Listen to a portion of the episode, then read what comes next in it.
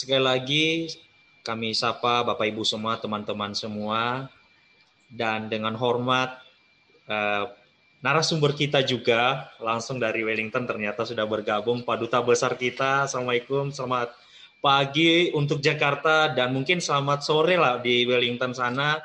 Selamat bergabung kepada Pak Duta Besar kita. Salam Pak. Uh, Pak Memo, mohon Pak Dubes, Pak Dubes lagi on the way. Saya okay. Pak Memo. Siap. Cuma dia akan masih di toilet, uh, mungkin in five minutes akan segera di sini, Pak. Oke, selalu stay Pak. Jadi izinkan kita mendengarkan lagu-lagu kenangan ya Pak selama beliau juga berkarir sebagai seorang seni dan ternyata yang menjadi teman duet Pak Duta Besar kita juga sudah hadir di sini juga dengan semangat pagi. Pak Jimmy Gani, selamat pagi Pak. Semangat pagi. Wah, selamat pagi, Pak. Semangat pagi. Jadi mau izinkan Pak, jam 10 pagi nanti langsung akan kita mulai acara uh, webinar ini dan sambil kita uh, menunggu Pak Duta Besar kita, kita akan dengarkan lagu-lagu uh, Pak Duta Besar kita selama menjadi seorang seni. Jadi uh, buat teman-teman yang lain silakan tetap stay ya menunggu sampai nanti jam 10 acaranya kita mulai. Oke, terima kasih.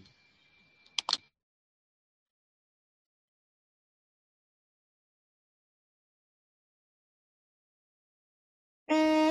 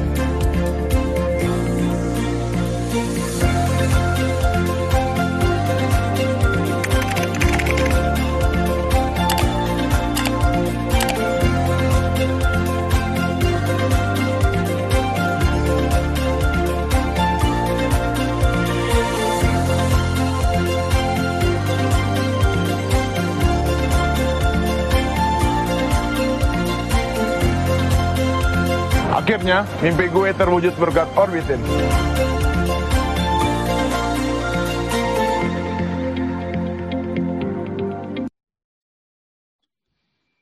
Baik, uh, selamat pagi semuanya buat Bapak Ibu yang sudah hadirin dan bergabung di acara webinar kali ini.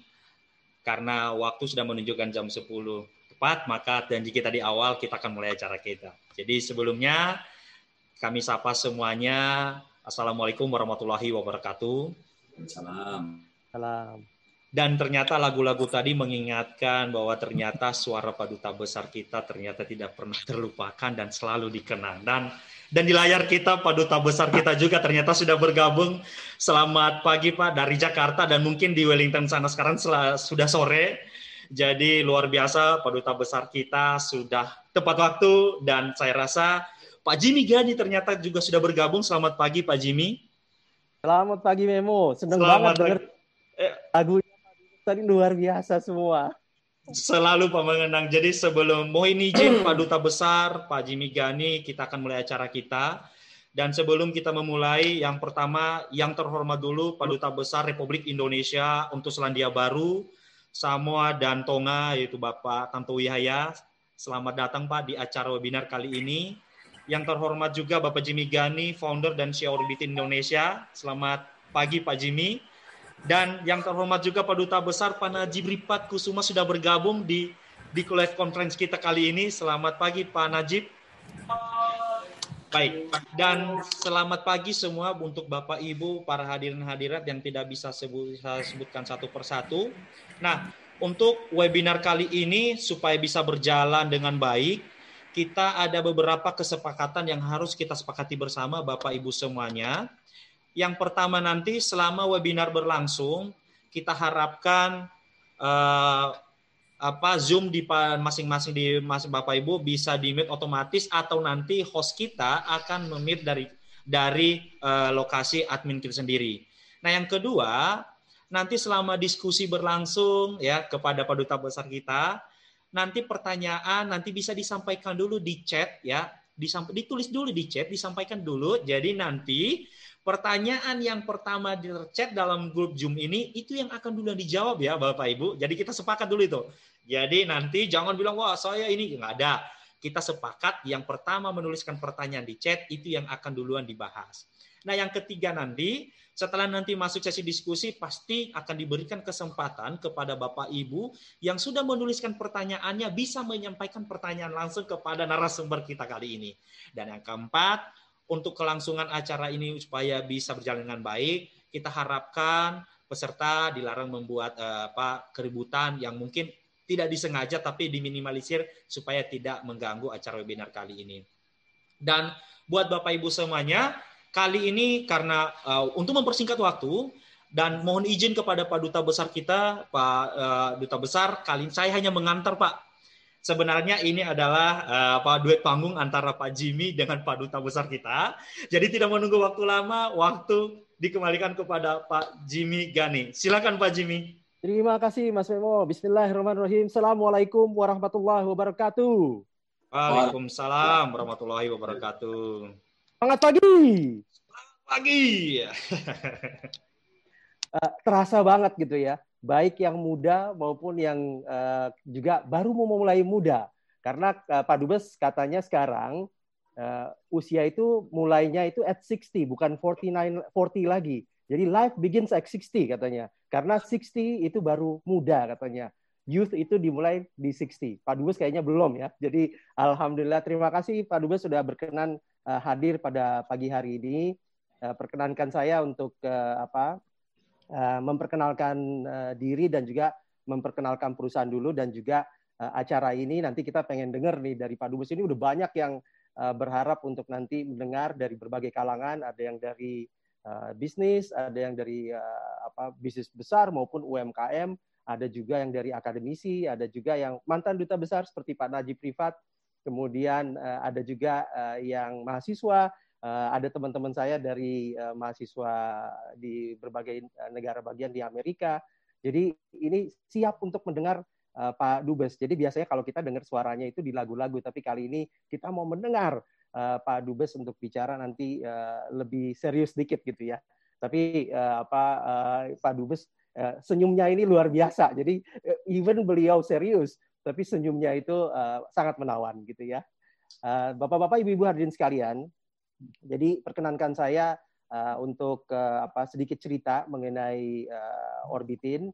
Jadi uh, hari ini kita uh, akan uh, mulai satu talk show yang uh, apa merupakan talk show reguler kita, Ambassador Talk. Dan kali ini kita uh, apa uh, mendapatkan kesempatan yang luar biasa untuk bisa berbincang-bincang dengan His Excellency Ambassador Tantowi Yahya untuk bicara mengenai memotret geliat ekonomi Selandia Baru.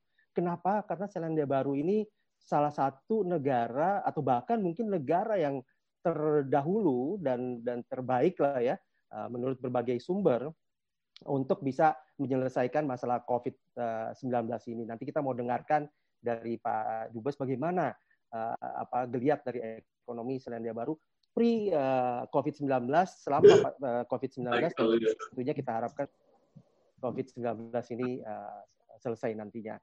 Jadi uh, apa sedikit uh, mengenai uh, saya uh, apa uh, saya sekarang ini adalah founder dan CEO Orbit Indonesia. mungkin saya yang paling tua nih Pak Dubes uh, apa CEO startup digital uh, di Indonesia gitu kan. Yang lain uh, masih muda-muda, umurnya 20-an gitu. Kita udah udah lanjut, saya udah pernah jadi CEO di uh, BUMN. Pada saat itu masih muda karena saya dapat juga waktu itu uh, apa rekor muri sebagai CEO BUMN termuda uh, dalam sejarah Republik Indonesia. Nah, setelah itu saya kemudian sempat untuk mengenyam pendidikan di Boston Eh, kembali ke sini, kemudian apa menjadi rektor di IPMI National Business School sebelum kemudian menjadi penasihat menteri desa. Nah, itu luar biasa. Desa ini nanti mungkin Pak Dubes bisa cerita nih bagaimana perjalanan beliau ini Pak Dubes perjalanan hidupnya luar biasa gitu kan Baga bagaimana dari satu uh, apa daerah di Sumatera Selatan kemudian ke Jakarta dan sekarang ke Selandia Baru dan nampaknya juga di sana desa tapi desa yang maju sekali gitu. Nah uh, dan baru tahun lalu kami bersama dengan uh, Tempo uh, mendirikan satu uh, perusahaan Orbitin. Jadi uh, perusahaan uh, kami, grup perusahaan kami adalah JG Corp yang kami dirikan tahun lalu. Tapi sebetulnya uh, apa uh, bicara mengenai perusahaan-perusahaan di bawah JG Corp sudah tujuh dan salah satunya adalah uh, apa uh, di bidang consulting. Nanti saya cerita lebih lanjut lagi. Yang jelas uh, partner kita Tempo, saya rasa uh, yang lain sudah kenal dengan Tempo. Tempo adalah uh, mereka punya Tempo Media Group adalah media group yang besar. Uh, mereka punya majalah Tempo, kemudian punya koran Tempo, TV Tempo dan seterusnya. Tapi beberapa tahun terakhir ini mereka juga lagi giat-giatnya mengembangkan uh, digital platform sehingga mereka punya tempo.co, Tempo Game, Rombak Media dan seterusnya. Ada 13 14 uh, perusahaan di bawah Tempo Group yang sekarang lagi menggeliat nih apa di dalam digital world gitu ya. Nanti uh, apa kita harapkan tentunya mereka tadinya tahun ini mau go public uh, tem, apa anak perusahaan dari Tempo ini tapi karena Covid jadi kelihatannya akan uh, tertunda sedikit. Kalau uh, JG Corp atau Jimmy Gading Corporation uh, ini memiliki beberapa interest di beberapa perusahaan antara lain adalah uh, consulting yang kami dirikan waktu itu sendiri dan berkembang uh, menjadi sekarang uh, apa perusahaan yang cukup solid di consulting proven uh, academy kemudian ada sustainable development project dan juga business process outsourcing uh, di PFI Group kita punya ribuan karyawan yang kita tempatkan kebanyakan di perusahaan-perusahaan mitra kita. Kita juga ada investment arm, ada juga Orbitin dan lain-lain dan uh, tadi Proven Force Indonesia adalah backbone kita selama ini dan uh, ini sudah 17 tahun. Insya Allah ini uh, kita harapkan bisa terus berkembang uh, dan uh, apa membantu banyak perusahaan lain. Kita sudah uh, lebih dari 250 perusahaan membantu untuk perbaikan-perbaikan untuk turnaround dari perusahaan-perusahaan tersebut yang menghasilkan akhirnya untuk perusahaan tersebut masing-masing miliaran rupiah per tahunnya apa dalam kenikmatan dan kita sekarang merambah karena kalau ratusan aja perusahaan ini yang kita bantu rasanya Indonesia uh, untuk Indonesia uh, tidak signifikan jadi akhirnya kita masuk ke digital platform kenapa karena kalau kita pakai bisnis model yang lama, tentu kita nggak bisa membantu UMKM. Kita hanya bisa membantu yang besar-besar seperti yang ada di layar uh, kita ini. Karena mereka yang punya resources yang cukup untuk bisa investasi dalam program-program perbaikan seperti yang biasanya kita lakukan. Nah, kita jadi akhirnya meluncurkan satu digital platform yang kita mulai tahun lalu yaitu uh, Orbitin. Uh, Orbitin itu adalah uh, satu digital Eh, startup eh, yang kita mulai eh, tahun lalu bertindak sebagai inkubator, akselerator, dan marketplace. Baru saja di incorporate sebagai satu perusahaan namanya PT Orbitin Kebanggaan Indonesia yang dimiliki oleh Jimmy Gani Corporation secara mayoritas dan minoritas oleh perusahaan daripada Tempo Intermedia. Sifatnya jadi dia platform di tengah-tengah antara user dan uh, provider. Usernya itu kebanyakan UMKM, bisa juga pelajar. Ideasnya adalah bagaimana idea itu kemudian bisa uh, diterjemahkan uh, menjadi uh, bisnis konsep yang uh, viable untuk menjadi uh, nantinya uh, perusahaan yang bagus. Kemudian bisnis konsep itu diterjemahkan menjadi bisnis plan yang yang kuat sehingga uh, bisnis modelnya itu terbentuk uh, dibuatlah canvas uh, untuk bisnis modelnya kemudian diimplementasi dan akhirnya nanti bisa grow, uh, develop, and sustain itu apa cita-cita kita lah ya membantu berbagai macam UMKM. Nah, hari ini kita apa memang melaksanakan satu acara rutin kita yang sudah kita lakukan dengan berbagai ambassador. Sebelumnya pernah dengan China, dengan Korea Selatan. Kali ini dengan apa ambassador yang luar biasa yang sudah tiga tahun lebih berada di Selandia Baru dan beliau bukan saja apa memegang Selandia Baru, tapi sekarang baru-baru ini juga ditunjuk sebagai duta besar keliling. Wah, duta besar keliling wilayah Pasifik dan juga apa bukan hanya untuk Selandia Baru aja sebetulnya, tapi juga untuk Samoa dan Tonga. Saya rasa ini merupakan apa prestasi yang luar biasa karena sebelumnya kita uh, mengenal Pak Tonto Yahya ini sebagai MC yang luar biasa, uh, pembawa acara TV. Saya ingat banget dulu ya kita menanti-nanti apa Who Wants to be a Millionaire karena Pak Tanto ini selalu membuat berdebar-debar penontonnya gitu kan untuk lihat uh, bisa nggak menang satu miliar rupiah gitu dan apa juga beliau juga uh, apa bukan hanya itu aja tapi juga uh, penyanyi yang handal terutama untuk di country music dan juga merupakan MC kalau nggak salah apa sempat menjadi MC termahal di Indonesia. Wah, luar biasa. Tapi di tengah-tengah kesuksesan beliau itu, justru beliau memilih untuk menjadi apa masuk politik dan menjadi politisi sampai akhirnya terpilih menjadi anggota DPR untuk dua kali dan uh, belum cukup sampai di situ aja kemudian akhirnya beliau menjadi duta besar.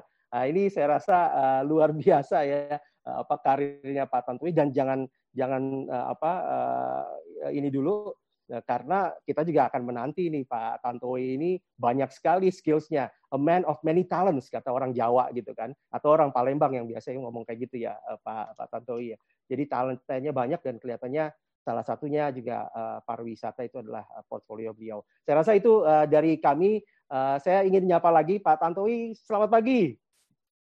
Selamat pagi waktu Indonesia. Selamat sore waktu Pasifik. Selamat sore, luar biasa ini Pak Tantowi. Aduh, ini boleh cerita dikit dong. Uh, ini musim apa di sana, Pak Tantowi? Kita ini uh, lagi spring, jadi ini disebut shoulder season. Jadi uh, apa namanya itu season perantara antara musim dingin ke musim panas. Pancar, kalau bahasa Indonesia itu pancar. Pancaroba. Jadi ya kalau spring itu cantik ya, lagi apa suasananya tuh lagi mulai bersemi gitu kan. Alhamdulillah Selandia Baru ini mau musim apa aja cantik. Mana suaranya? Jadi uh, apa uh, selalu cantik ya. Selalu eh, dan bagi ini kan juga apa uh, Pak Tantowi kan adanya di Wellington ya. Wellington itu kan kota kecil ya Pak Tantowi ya. Sementara kan selama ini kan walaupun waktu itu pernah di uh, Palembang sana gitu ya, tapi di Jakarta kan uh, hingar-bingarnya kan luar biasa. Gimana tuh apa menyesuaikan diri di Wellington? Sekarang udah udah tinggal di kota yang duduknya banyak. Beberapa kali saya pulang ke Jakarta malah wah terkaget-kaget ya karena ya di sini bayangkan aja dari Jakarta yang penduduknya 10 jutaan pindah ke kota yang tadi Jimmy bilang penduduknya hanya 250 ribu. Jadi kata macet itu tidak ada dalam rumus rumus di sini ya. Semuanya uh, lancar, semua bisa ditempuh dalam hitungan menit. Jadi dari mana aja itu ya 5 sampai dengan 10 menit. Pantesan apa bukannya eh, apa kayaknya bukannya bertambah umurnya malah tambah seger gitu Pak Dubes di sana. Rambut aja berkurang. Kalau itu sih kita juga sama Pak Dubes, rambut Wah, Pak Dubes cerita dong ini eh, apa gimana nih sekarang kan katanya benar ya eh, apa di Selandia Baru tuh udah lebih tenang sekarang dibandingkan dengan negara lain dari COVID-19 ini. Ya relatif uh, Selandia Baru ini adalah negara yang uh, paling aman dalam konteks COVID ya.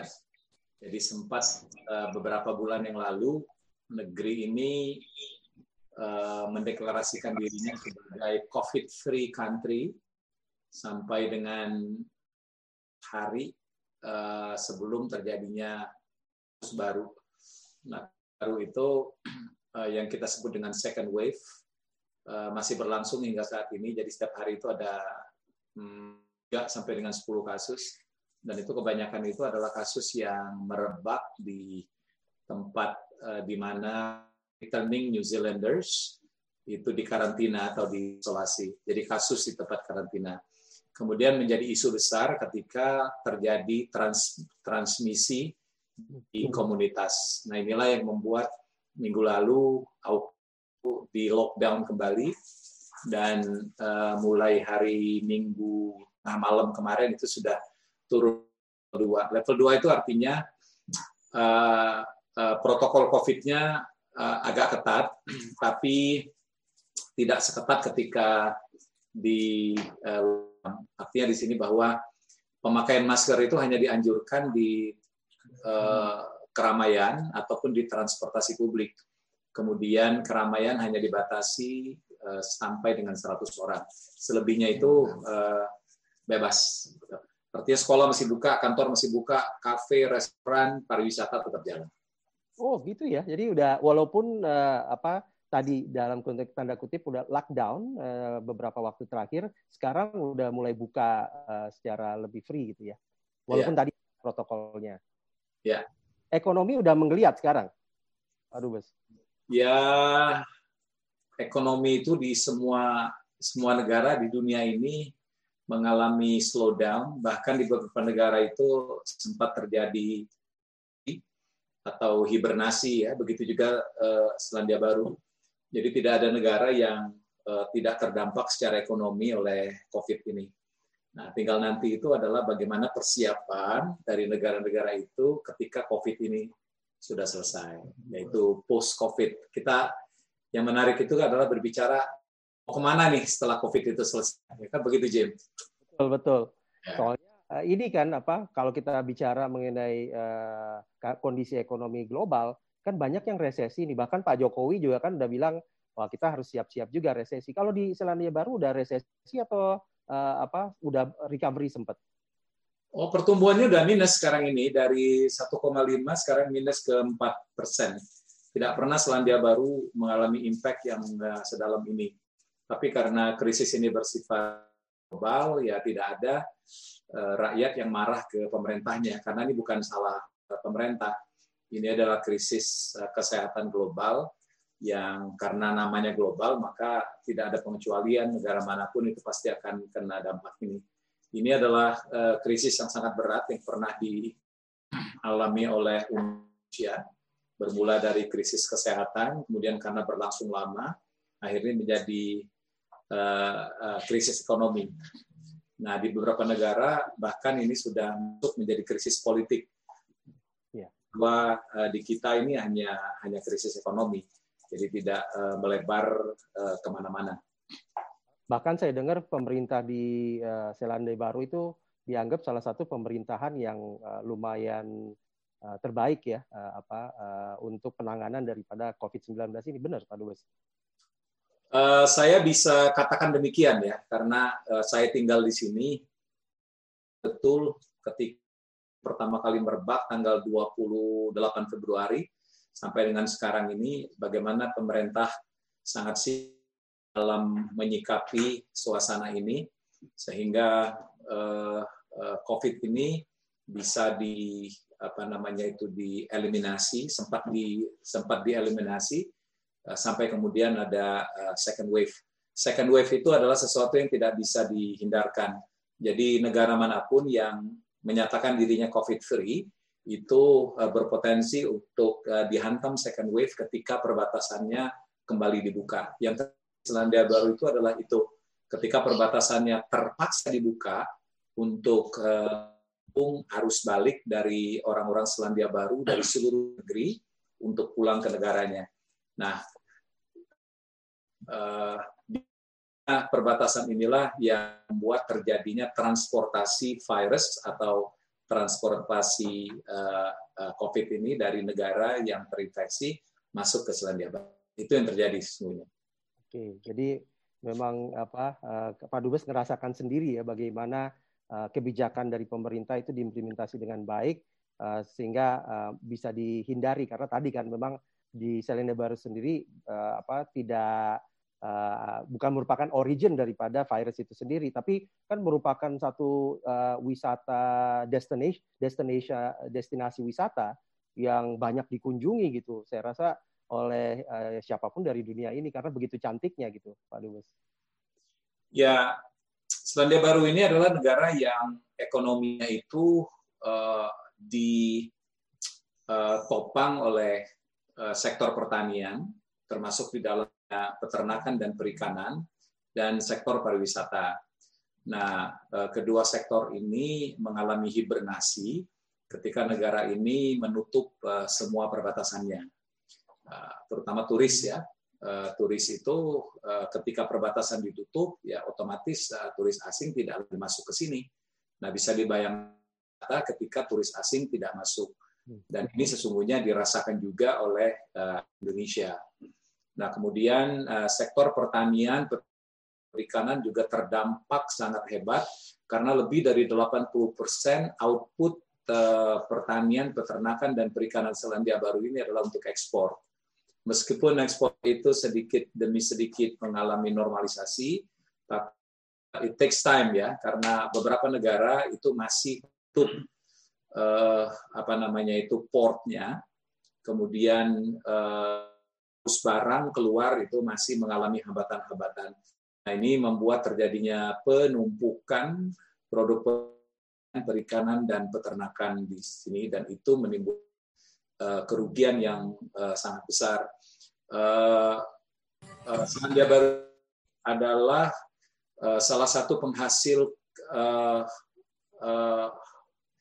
apa namanya itu kayak crayfish, ya. Oh, nah, ya itu uh, diekspor ke Cina dan beberapa negara. Namun ketika Cina uh, menutup perbatasannya, itu uh, uh, ribuan ton yang terpaksa dilepas kembali ke laut ya dan yang kalau tidak bisa uh, dilepas karena keburu mati gitu maka itu dijual murah ke masyarakat. Jadi itu adalah beberapa tanda bagaimana COVID ini menimbulkan dampak yang hebat bagi semua negara termasuk uh, Selandia Baru. Iya, jadi bukan sebetulnya bukan masalah produksinya ya, tapi distribusi dan logistik ya, Pak Dubes ya, sehingga uh, akhirnya menghambat gitu kan karena ekonomi global yang sekarang ini pada uh, menutup uh, port yang ada gitu. Ya isu besar dari uh, pandemik yang terus berlangsung ini adalah soal chain ya. Ini ini yang akan uh, mengalami gangguan. Nah, saya rasa uh, kita juga mengalami uh, syukur uh, sebagai negara yang penduduknya besar, artinya bahwa kita itu adalah negara yang bisa eh, apa namanya itu menjadikan domestic market itu sebagai uh, tumpuan pasar. Nah, oleh karena itu diprediksi oleh beberapa oleh banyak ekonom bahwa negara yang akan survive uh, setelah pandemi ini adalah negara yang domestic marketnya besar. Jadi negara seperti Cina, uh, India, Indonesia itu adalah negara yang akan segera bangkit nantinya karena pasar domestik kita itu besar. Tapi kalau negara-negara yang uh, penduduk penduduknya kecil atau pasar domestiknya kecil dan hanya mengandalkan ekspor, itu tampak lebih berat daripada negara-negara seperti Indonesia. Kita jadi punya potensi yang luar biasa ya untuk bisa recovery. Katanya memang kita nomor dua setelah China apa yang akan recovery cepat dan juga lebih geliat gitu untuk ke depannya. Iya, kita mempunyai beberapa keunggulan yang tidak dimiliki oleh negara-negara lain. Pertama itu adalah domestic market kita yang besar. Kita bisa bayangkan negara yang penduduknya hampir 270 juta. Ya, ini adalah pasar yang sangat menjanjikan untuk berbagai uh, produk kita. Kedua, dalam konteks pariwisata, sebenarnya kita uh, kalau bisa memaksimalisasi dan mengkapitalisasi pasar domestik kita, kita uh, untuk waktu yang cukup lama tidak akan ber, tidak akan tergantung kepada uh, turis-turis internasional. Ya. Ya, ya, jadi uh, itu uh, ke, keuntungan kita. Ini tinggal uh, challenge-nya bagaimana kita merubah habit dari para pelaku industri yang selama ini tidak begitu atau care-nya itu tidak maksimal uh, seperti mereka memberikan perhatian kepada turis-turis asing. Nah, sekarang ini tengah ketidakpapan turis asing itu bisa masuk kembali ke Indonesia, maka uh, tidak ada pilihan lain bagi para pelaku pariwisata Indonesia itu daripada meningkatkan pelayanan dan perhatian kepada turis-turis domestik karena mereka lah yang akan pun dari industri pariwisata. Nah, ini yang sedang dilakukan secara giat oleh uh, pemerintah uh, New Zealand. Jadi uh, pemerintah New Zealand itu terus mengencourage para pelaku pariwisata untuk mulai merubah apa namanya itu mindset mereka ya dari yang tadinya itu uh, memperhatikan dan melayani turis asing ke sekarang ini turis domestik. Nah, itu yang kita mau belajar nih uh, Pak Tantowi. Gimana nih kan kita punya chance yang besar. Kita pengen belajar dari negara walaupun kecil uh, apa hanya 5 juta orang dan kotanya juga ibu kotanya 350 ribu itu uh, apa 250 ribu itu lebih kecil daripada kampung saya di Mesuji itu uh, Tantowi. Jadi aduh apa kotanya bagus sudah apa besar gitu ya tapi uh, penduduknya sama sama sama baik sama Mas Suji tuh. Jadi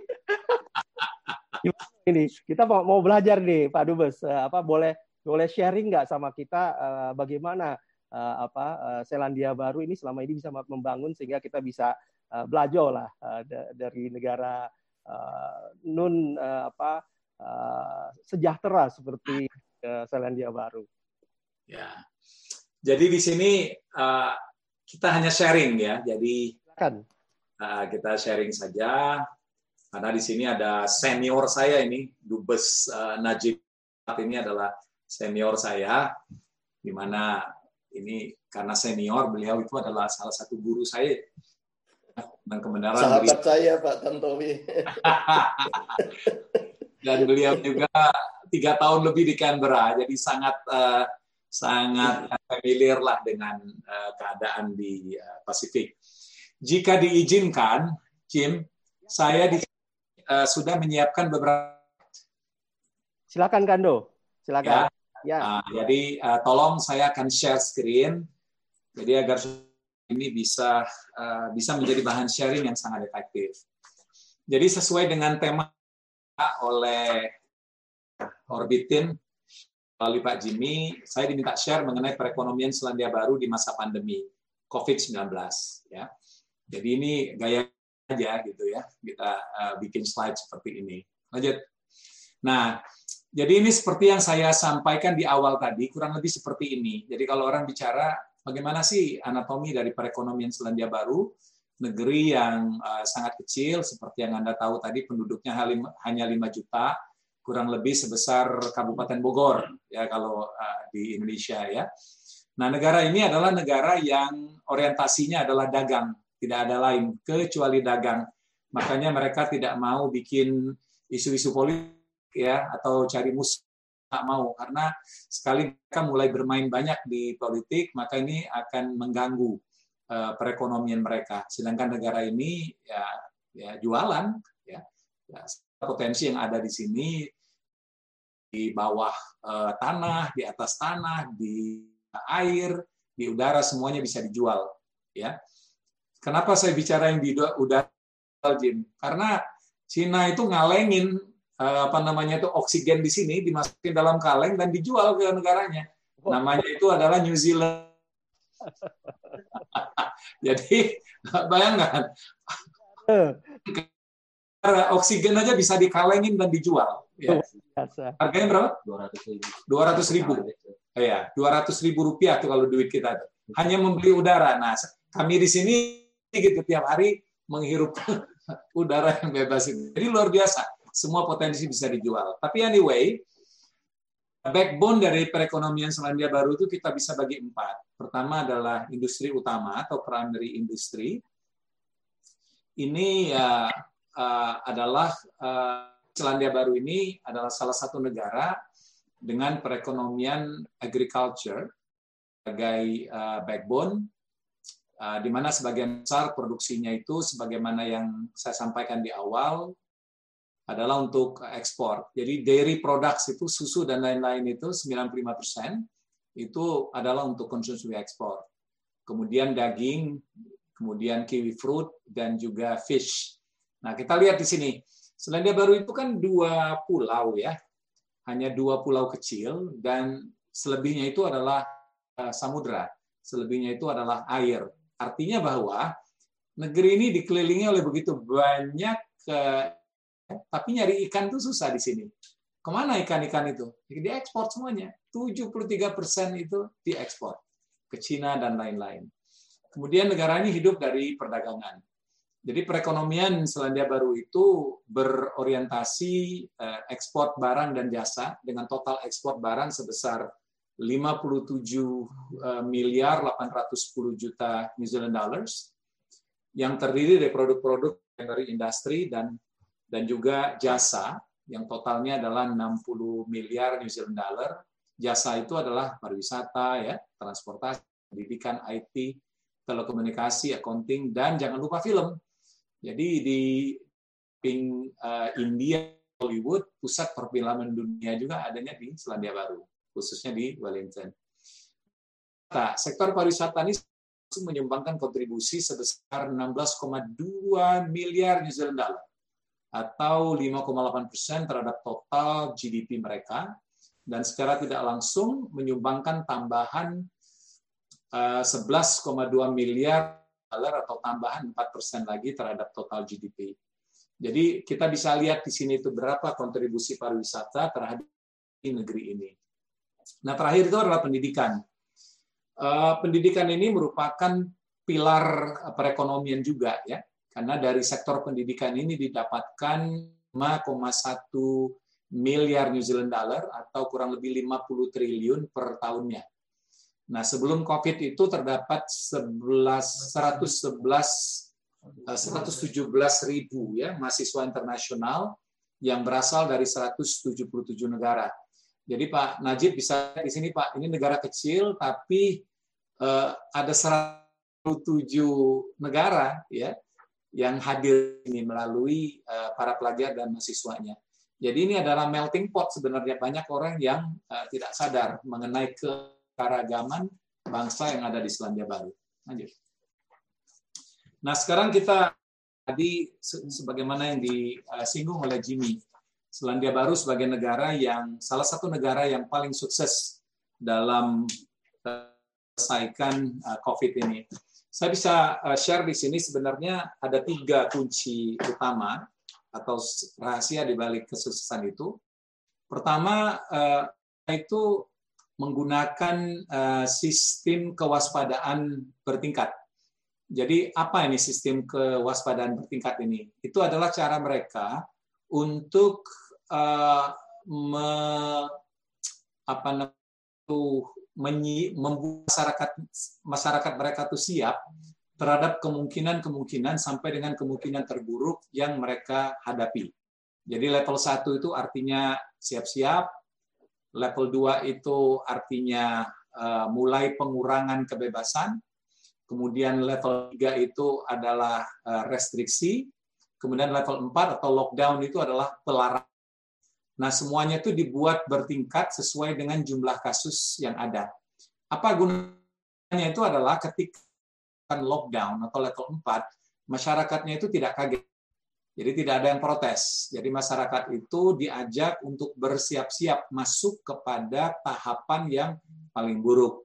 Nah, ternyata ini berkontribusi besar terhadap ketenangan warga. Lockdown itu diberlakukan. Jadi kurang lebih lockdown itu kalau di kita PSBB. Kemudian mereka mempunyai uh, suatu slogan go hard, go early. Artinya kalau kita keras melakukan restriksi sekarang ini, ya, kemudian Eh, masyarakat itu diajak untuk disiplin, ya, eh, maka kita akan eh, cepat keluar dari krisis ini. Dan itu memang sudah terbukti. Jadi kemampuan dari pemerintah dalam mengajak masyarakatnya untuk mengarungi krisis ini dengan peraturan yang sangat berat, mereka paling cepat keluar dari krisis ini. Go hard, go, early. Jadi ini sebenarnya suatu slogan yang bisa dipergunakan apa pun sebenarnya. Nah terakhir eh, banyak yang bertanya mengapa lockdown di sini itu berhasil? Salah satunya karena rakyatnya diberikan stimulus ekonomi. Jadi rakyat itu diberikan subsidi sampai dengan 80% dari income mereka sebelum COVID. Jadi eh, pemerintah itu mempunyai komitmen besar, rakyatnya disuruh di rumah saja, ya. Nah, selama di rumah saja itu mereka diberikan eh, bantuan sampai dengan 80% dari income mereka. Bahkan pun itu diberikan eh, subsidi. Nah, ternyata bantuan eh, stimulus ini tidak hanya berhenti selama lockdown, ketika lockdown diangkat, uh, stimulus ekonomi ini tetap diberikan sampai dengan akhir. Nah, ini adalah hal yang sebenarnya sangat fundamental yang membuat lockdown itu. Jadi saya sepakat dengan apa yang disampaikan oleh Pak Presiden Jokowi, kesuksesan dari sebuah negara dalam memitigasi atau mengeliminasi COVID-19 ini tidak serta-merta bisa diterapkan di negara lain termasuk Indonesia. Terlalu banyak perbedaan antara kita dengan negara-negara tersebut dengan Selandia Baru. Lanjut. Apa dampak eh, COVID terhadap perekonomian? Tadi eh, secara eh, gamblang sudah kita bahas sebenarnya, tapi di sini lebih lebih detail lagi.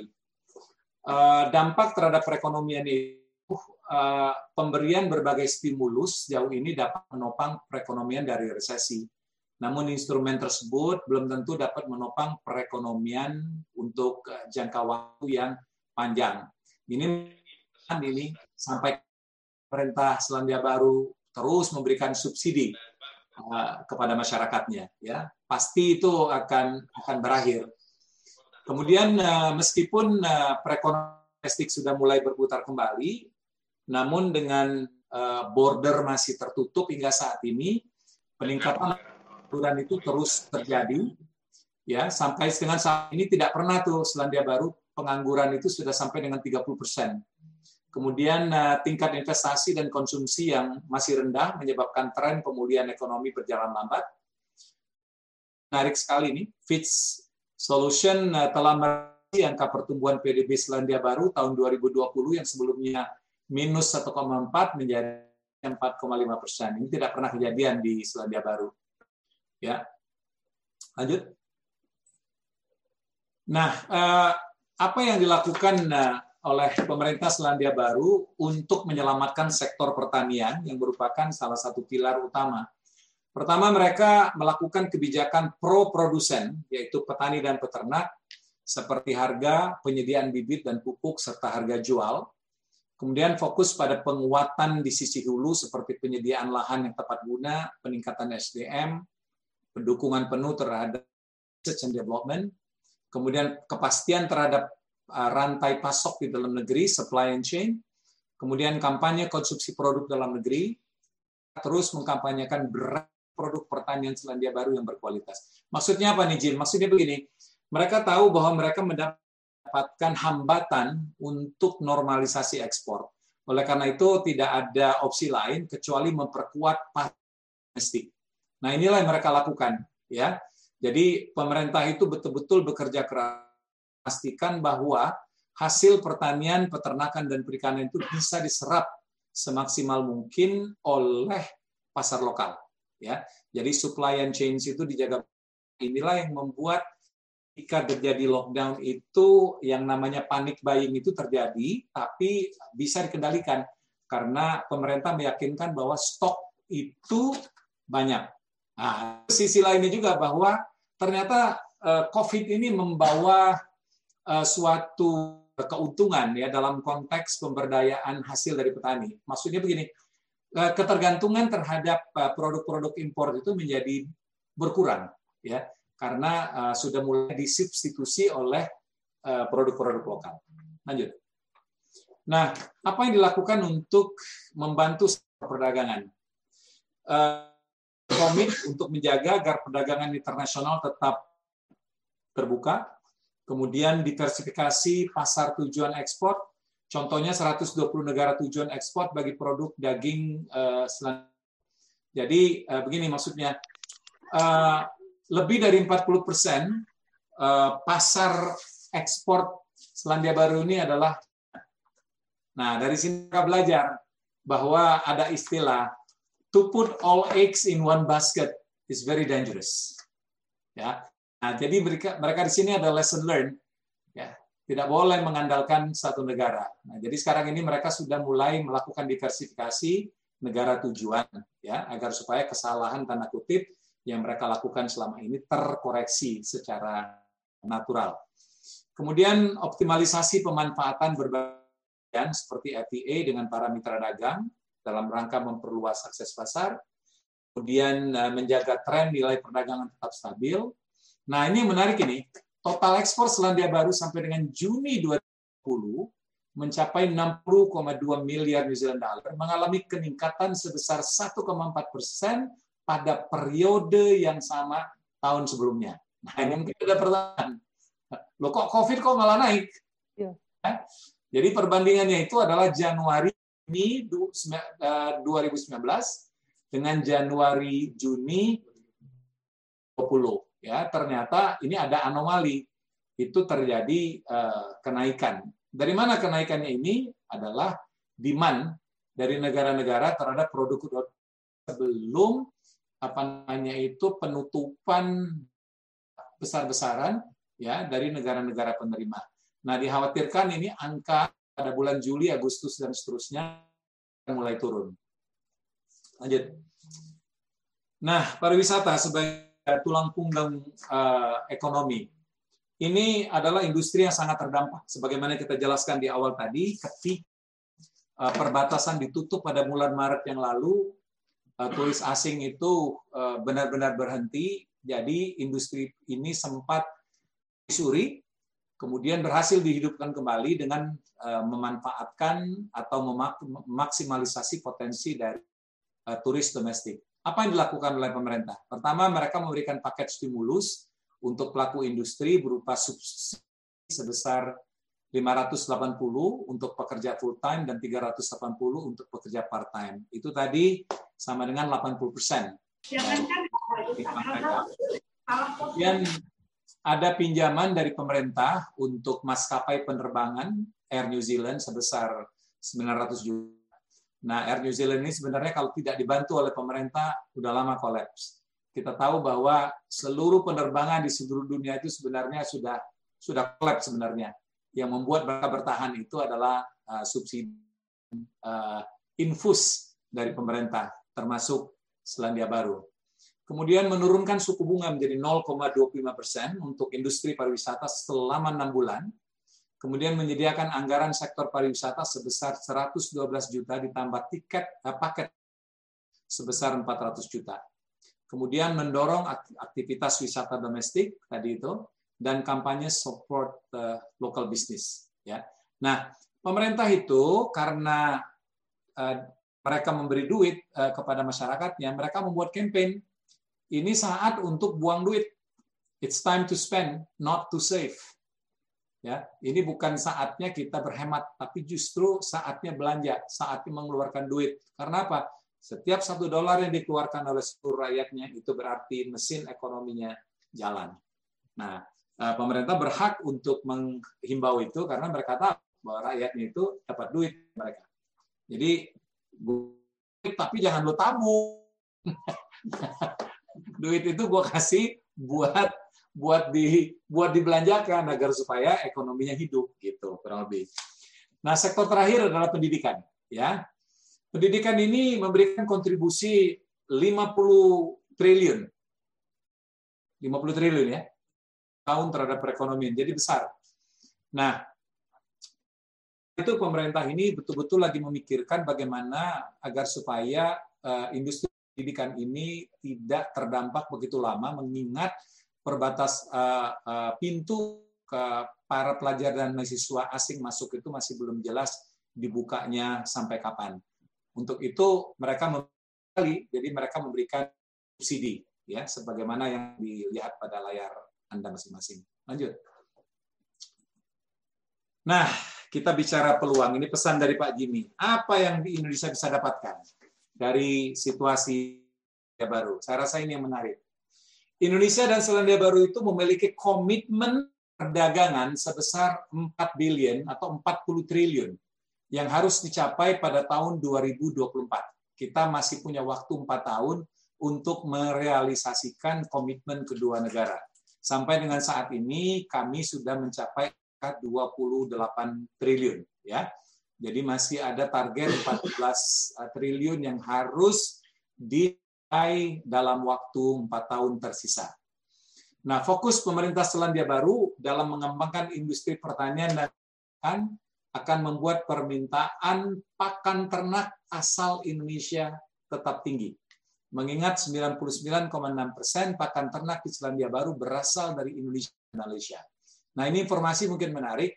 Ternyata makanan yang paling bergizi buat sapi, buat eh, biri-biri, domba itu adalah ampas kelapa sawit. Ya. Jadi eh, apa namanya produk terbesar ekspor Indonesia ke Selandia Baru itu masih sawit ini.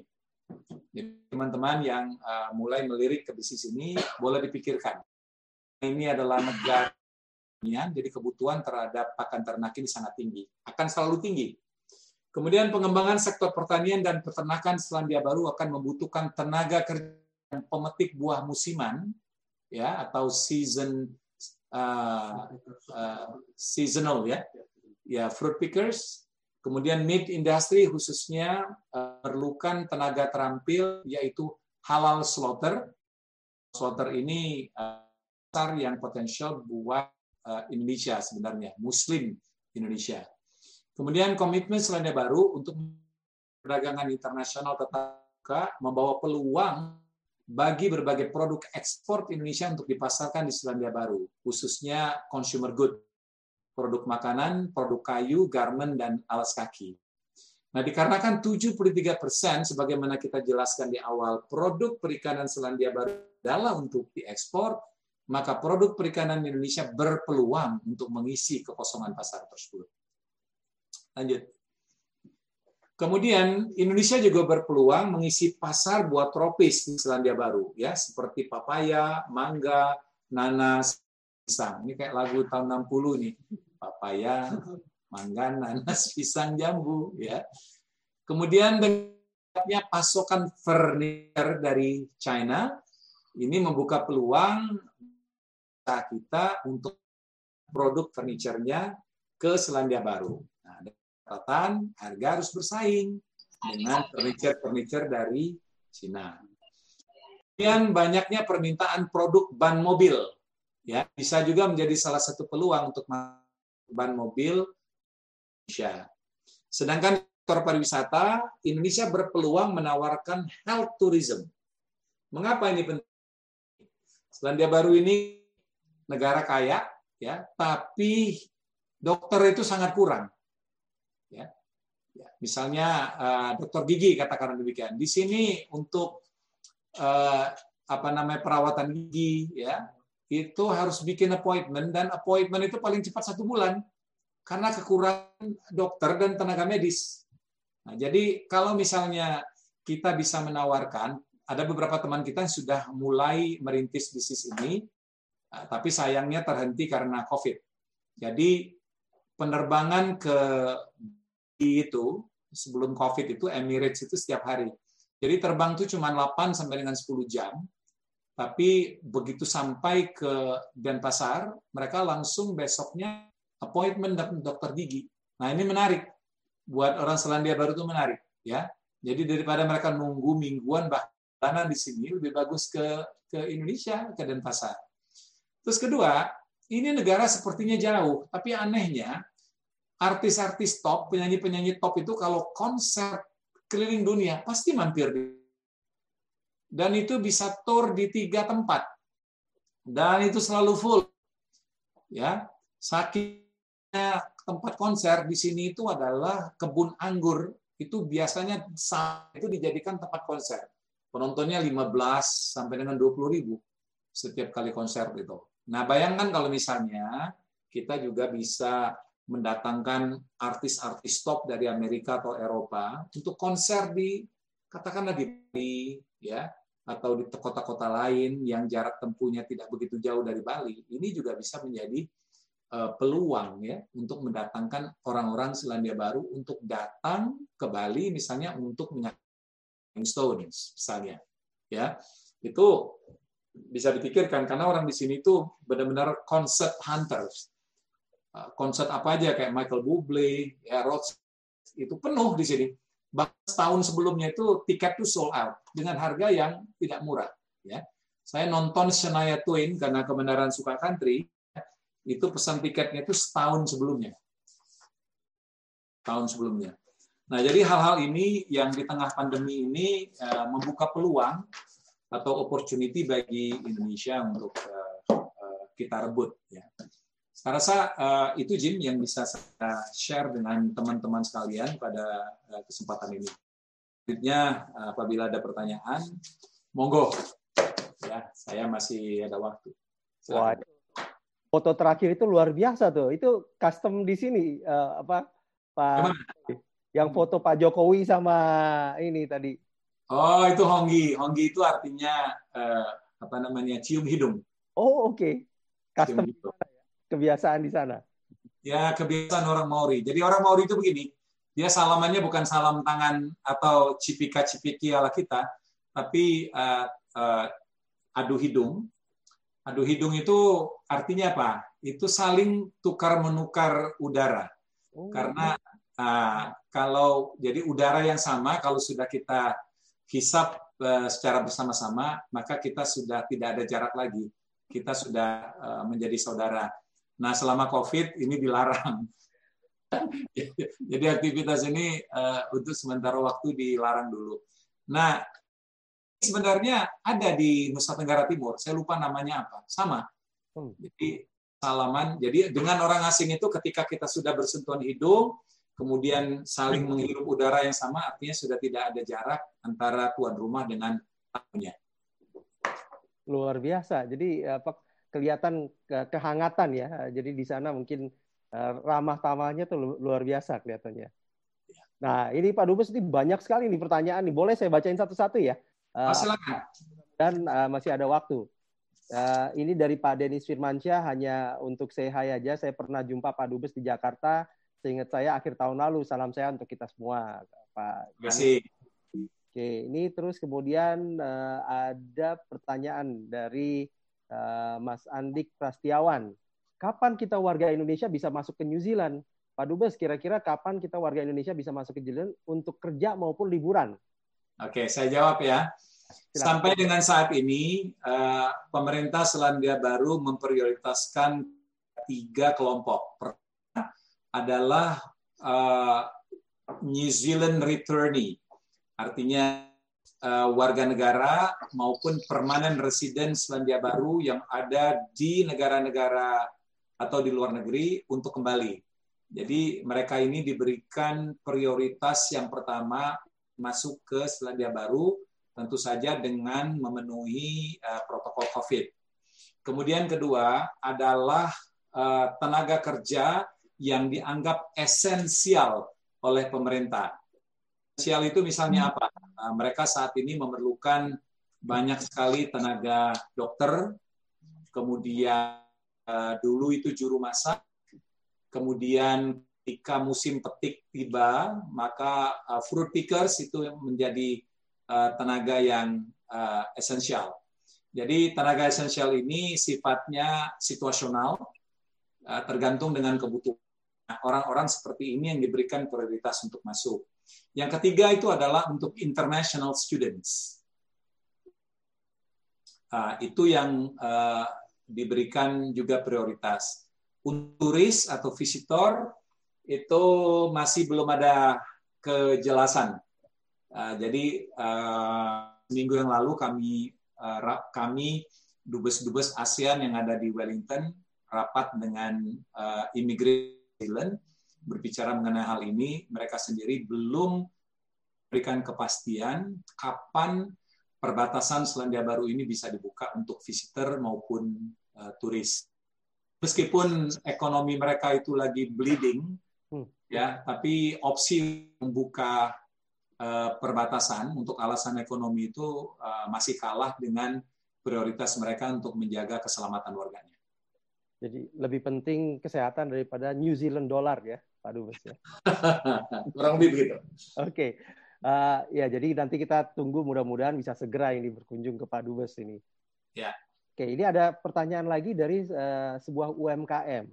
Jadi saya Nita dari Suarga Flower Tea, UMKM yang bergerak di bidang artisan tea dan rempah. Pak Dubes, sejauh mana potensi artisan tea di Selandia Baru dan jika mungkin teh kami menjadi welcome drink di KBRI. Wah, ini uh, apa? Nawarin nih, Pak Dubes. Tea katanya dan rempah. Ya, uh, saya bicara profil dulu ya. Orang Selandia ini hobinya minumnya cuma dua, ya tiga. Pertama mereka doyannya minum wine.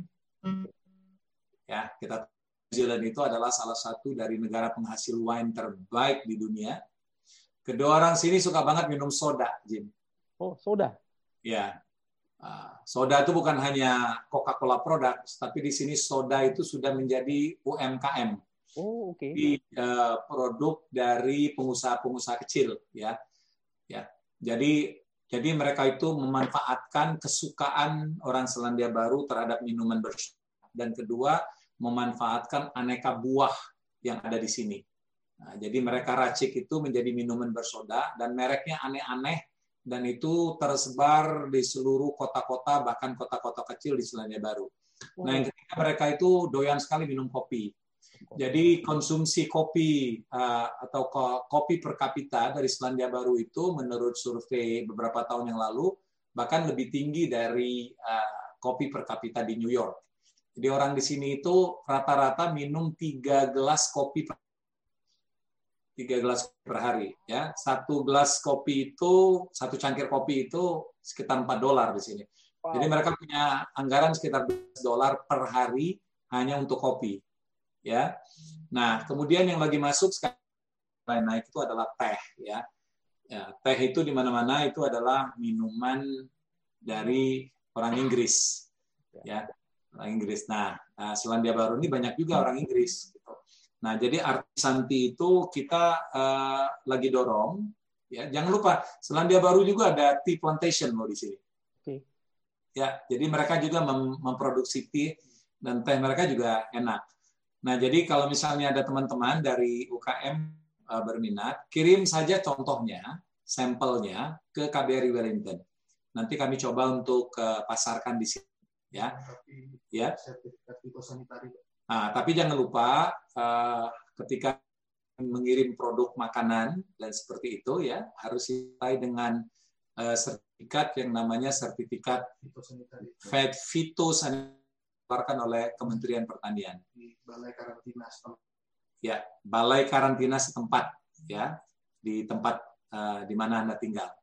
Nah, jadi sertakan sertifikat kirim ke KBRI Wellington and we'll do the rest nanti kami akan kami akan kasih tahu uh, apa namanya itu uh, respon dari pasar seperti apa. Wah keren keren. Jadi teh juga bisa ya. Saya lihat uh, kemarin ada video yang beredar uh, lumayan viral juga Pak Dubes mengenai kopi yang Pak Dubes uh, apa uh, pasarkan tuh di New Zealand. Wah keren banget. Sayangnya nggak nggak minum kopi sambil nonton ini apa country music uh, ala nggak cocok. Country music sama kopi nggak cocok. Country bir cocoknya. Tanya aja dubes Najib itu oke kalau gitu pakai bir peletok aja ke apa? Sip sip. Oke ini ada pertanyaan lagi. Tadi Pak Dubes sudah menyampaikan beberapa kesempatan produk uh, di di market New Zealand. Tapi ini Bu Rini Irawan nanya lagi apa saja produk lain Indonesia yang diperlukan di sana supaya ini teman-teman bisa ini masuk ke sana gitu. Tadi udah saya bahas konsumsi terbesar produk Indonesia dari Indonesia itu adalah uh, ampas kelapa sawit untuk pakan ternak ya. Tapi saya tahu ini bahwa ini tidak semua orang bisa melakukan itu. Tapi kalau punya kenalan dengan uh, apa namanya itu pemilik kelapa sawit ya ada kerjasama saja. Itu kan ampasnya. Tinggal diproses, dibakar, dijadikan bubuk. Nah, nanti kami bantu untuk uh, proses pemasarannya di sini. Karena itu adalah uh, produk dari Indonesia dengan konsumsi terbesar di sini. Kemudian kedua yang lain-lain ya, yang lain-lain itu misalnya uh, kopi ya. Kopi juga kopi Indonesia itu semakin lama semakin digemari. Tapi kopi di sini yang dibutuhkan itu adalah kopi biji, ya, coffee bean yang hijau, arabica. Jadi orang di sini uh, tidak mau menerima kopi yang sudah di roast. Ya. Jadi kopinya harus uh, kopi masih hijau ya, biji kopi. Nah, mereka uh, karena New Zealand ini terkenal dengan uh, roastingnya. Kemudian ketiga yang juga punya uh, apa namanya itu pasar itu adalah produk-produk makanan ya, misalnya uh, apa namanya itu buah-buahan yang diawetkan ya, kemudian buah-buah dalam bentuk chips, uh, dalam bentuk kering itu mulai uh, punya pasar di sini. Salah satu tiga produk yang uh, sifatnya UKM ya, Selebihnya itu industri, misalnya mobil, ya, sepatu itu adalah industri. Yang terus terus fertilizers untuk pertanian, kemudian pupuk urea, ya, itu juga adalah produk yang akan selamanya dibutuhkan di sini karena ini adalah negara yang basis. Oke, terima kasih Pak Dubes. Jadi ini mudah-mudahan teman-teman UMKM nih dengarkan tadi, tinggal kita sama-sama uh, berupaya untuk bisa uh, meraih kesempatan itu. Pak Dubes saya uh, apa minta ini uh, ada yang nunjuk tangan nih. Kita beralih dulu dari chat room ke uh, apa Pak Hidayat. Pak Hidayat itu apakah uh, apa uh, nunjuk tangan? Kalau misalnya ini silakan unmute. Ya, baik. Apakah suara saya terdengar? Ran, tolong videonya kalau boleh. Kalau oh iya, boleh. Sebentar. Kita pengen lihat nih. uh, mohon maaf karena saya uh, mahasiswa di kosan jadi beginilah suasananya. kita juga pernah ngekos kok. Ah ya baik, baik. Uh, selamat siang uh, Pak Jimmy. Uh, Kia ora Pak Dubes. Kia ora. Saya Hidayat dari HI Universitas 11 Maret UNS Solo. Uh, ingin bertanya, uh, Pak Dubes tadi uh, selain memaparkan profil Selandia Baru juga memaparkan tentang uh, keberhasilan mereka sejauh ini uh, menahan laju COVID-19. Tapi sebagai suatu negara yang cukup besar di, di, di kawasan Pasifik selain Australia, apakah Selandia Baru juga uh, membantu negara-negara Pasifik lain yang kecil-kecil seperti Samoa Tonga untuk uh, ekonominya agar tidak terdampak uh, dari COVID-19 ini. Dan kemudian apa sih yang membuat pelaku usaha terus berbagai lapisan masyarakat tidak terhalang oleh uh, politik misalnya dari partai Labor, dari partai liberal, konservatif dan sebagainya untuk bersatu oh kita sukseskan uh, uh, programnya pemerintah ini PM Jacinda Ardern kita bantu agar Selandia Baru bisa tetap selamat sampai uh, krisis ini selesai. Apa sih yang mempersatukan mereka selain uh, kesehatan nomor satu tadi itu? Ya, terima kasih Pak Dubes dan Mas Jimmy. Terima kasih ya. Ini kayaknya bakal dapat beasiswa nanti ke New Zealand. Uh, amin, amin, amin. Luar biasa nih pertanyaan Mas Hidayat. ya, ya, Pengetahuannya mengenai Pasifik ini hebat ini. ya. Oke, okay. uh, pertanyaannya bagus sekali. Jadi Selandia Baru dan Australia sebagai dua negara besar di kawasan Pasifik selama ini dianggap sebagai saudara tua dari negara-negara kepulauan yang ada di Pasifik Selatan ini terus senantiasa memberikan perhatian. Perhatian itu dimanifestasikan dalam bentuk bantuan-bantuan ekonomi yang uh, secara rutin uh, dan berkala diberikan kepada negara-negara kepulauan seperti Samoa, Tonga, ya, Vanuatu, mana yang Anda sebutkan tadi. Nah, tanpa COVID pun dua negara ini mempunyai komitmen jangka panjang yang berlangsung dari lima tahun ini. Nah, skema bantuan itu kalau untuk Selandia Baru mereka sebut Pacific Reset, untuk ke Australia namanya Pacific Step Up.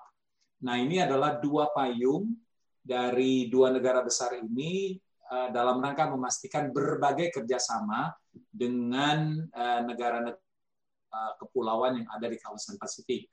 Nah, Indonesia sebagai bagian dari Pasifik juga juga mempunyai skema bantuan seperti Australia dan Selandia Baru yang kita beri namakan Pacific Elevation. Nah, jadi Pacific Elevation lebih sama naturnya dengan Pacific Resetnya Selandia Baru dan Pacific Step Up Australia. Ini menarik Jim ketika kita berbicara hubungan Indonesia dengan Eh, Pasifik. Jadi dalam forum ini saya sedikit uh, uh, memberikan sharing kepada Bapak Ibu sekalian bahwa Indonesia itu sesungguhnya juga adalah bagian dari Pasifik. Memang kita dikenal sebagai Asia, tapi sesungguhnya kita juga adalah bagian Pasifik. Bukti-buktinya itu sangat sahih, ya. Nah, ditandai dengan ada lima provinsi kita di bagian timur yang terletak secara geografis di Samudra Pasifik. Kemudian orang-orang Indonesia yang tinggal di timur itu juga dari keturunan kebanyakan dari keturunan Melanesia dan Polinesia yang merupakan uh, penduduk dari uh, Pasifik. Nah, jadi uh, menjawab pertanyaan Anda, Mas Hidayat, uh, itulah komitmen dari dua negara besar, Australia dan Selandia Baru, untuk membantu negara-negara di Pasifik selama COVID ini. Ya, kemudian juga mereka memberikan bantuan alat-alat kesehatan seperti PDA, alat-alat perlindungan diri, masker, dan lain sebagainya. Itu terus. Dan ini insya Allah disusul dengan Indonesia juga. Kita juga akan uh, memberi bantuan sesuai dengan kita untuk negara-negara di kawasan Pasifik. Pertanyaan kedua, ini menarik sekali. Bagaimana rakyat Selandia Baru ini bisa bersatu mendukung uh, pemerintahnya? Ini negara kecil, tapi dalam konteks demokrasi saya katakan bahwa mereka jauh lebih maju dibandingkan negara-negara besar sekalipun. Mereka sangat matang dalam uh, berdemokrasi. Ya, saya mulai dengan oposisi. Oposisi di sini itu ada, ya, dan mereka sangat kritis. Tapi kalau sudah terkait dengan hal-hal yang uh, berhubungan dengan masyarakat banyak, kepentingan orang, uh, kepent mereka lebih memilih untuk menjadi oposisi yang produktif, ya dibanding oposisi yang destruktif. Ya, karena mereka tahu bahwa uh, ini adalah untuk kepentingan orang banyak. Jadi program-program pemerintah dalam kaitan eliminasi COVID ini didukung bahkan oleh oposisi sekali. Jadi tidak terlalu banyak pembahasan-pembahasan ya yang tidak penting di sini karena mereka tahu bahwa ini adalah sesuatu yang dibutuhkan. Kemudian kedua di sini, pemerintah Selandia Baru itu berhasil membuat suatu gerakan yang namanya Team of Five Million. Nah, artinya eh, seluruh komponen masyarakat yang ada di Selandia Baru ini terlibat dalam usaha bersama pemerintah untuk bersama-sama keluar dari krisis ini. Nah, ini kan luar biasa, gitu ya. Jadi semua di sini tanpa terkecuali adalah bagian dari usaha bersama untuk keluar dari krisis pandemi COVID-19 ini. Nah, itu memang perlu ke ya bagaimana uh, dalam situasi-situasi genting seperti ini kepentingan yang lebih besar yaitu kepentingan buat rakyat banyak jauh di atas kepentingan kelompok apalagi kepentingan pribadi. Wah, luar biasa. Jadi beroposisi tapi santun ya. Kayaknya ya. cocok benar sama Pak Tantowi ini yang damai. Ah Pantesan kita doakan sampai itu kan 2024 eh, masih harus naik lagi tuh Pak Dubes. Jadinya kita doain semua sebagai shareholder juga dari negara ini Pak Dubes teruslah sampai 2024 paling nggak di sana lah. Salah, salah. Tarung doa. Nah, ini ada satu lagi eh, Bu Diana Sucahyo juga udah angkat tangan nih. Eh, silakan Bu Diana. Tolong di unmute kemudian videonya juga dihidupin. Uh, selamat siang. Pak Dubes. Saya Diana Sucahyo uh -uh, dari Tegal, Jawa Tengah. Uh -uh. saya mau menanyakan, kan peluang, menurut Pak Dubes kan peluang ada sertifikasi, peluang makanan masuk ke Selandia Baru harus sertifikasi dari sini. Tapi apakah perlu sertifikasi juga dari Selandia Barunya supaya kita bisa atau ada syarat-syarat tertentu nggak buat masuk ke Selandia Barunya? Jadi syarat apa aja yang diperlukan terus sama mau tanya informasi KBRI-nya Pak Dubes? Katanya kan bisa kirim sampel barang sama apa namanya? E, bisa minta alamat email sama HP gitu apa WhatsApp gitu Pak Dubes biar lebih lancar lagi. Ya sekian itu aja tanyanya. Makasih banyak ya. Pak Dubes. Ya Mbak Diana Selandia Baru ini sama dengan Australia. Jadi negara yang sangat ketat dalam konteks biosecurity ya jadi uh, mereka tuh tidak ada toleransi untuk uh, bahan-bahan, uh, terutama dari makanan dan minuman yang berpotensi merusak uh, biosecurity mereka. Nah, namun demikian, bukan tidak boleh produk-produk makanan, minuman, buah-buahan itu masuk ke sini, asal uh, memenuhi dari mereka. Pertama, untuk pengiriman sampel, ya itu harus disertai tadi itu sertifikat apa namanya tadi fitosanitary yang dikeluarkan oleh balai karantina uh, balai karantina di uh, tempat anda masing-masing itu adalah uh, bagian dari uh, dinas pertanian. Nah jadi pada waktu ibu mengirim kita harus disertakan sertifikat itu. Itu cukup ya. Nanti persyaratan sertifikasi yang diperlukan dari pemerintah Selandia Baru itu ketika produk itu akan mulai diekspor, mulai diimpor dalam bentuk atau dalam jumlah banyak. Nah, itu memerlukan suatu izin yang namanya IHS, singkatan dari Import Health Standard. Nah, ini terus terang Bu Diana bukan hal mudah ya bukan hal mudah saja sudah lebih tahu lebih dari tiga tahun memperjuangkan masuknya mangga pisang untuk masuk ke sini. Ini sudah jalan uh, hampir tiga tahun lebih, belum keluar. Nah, kami baru berhasil, BRI baru berhasil mendapatkan IHS untuk manggis dan salak.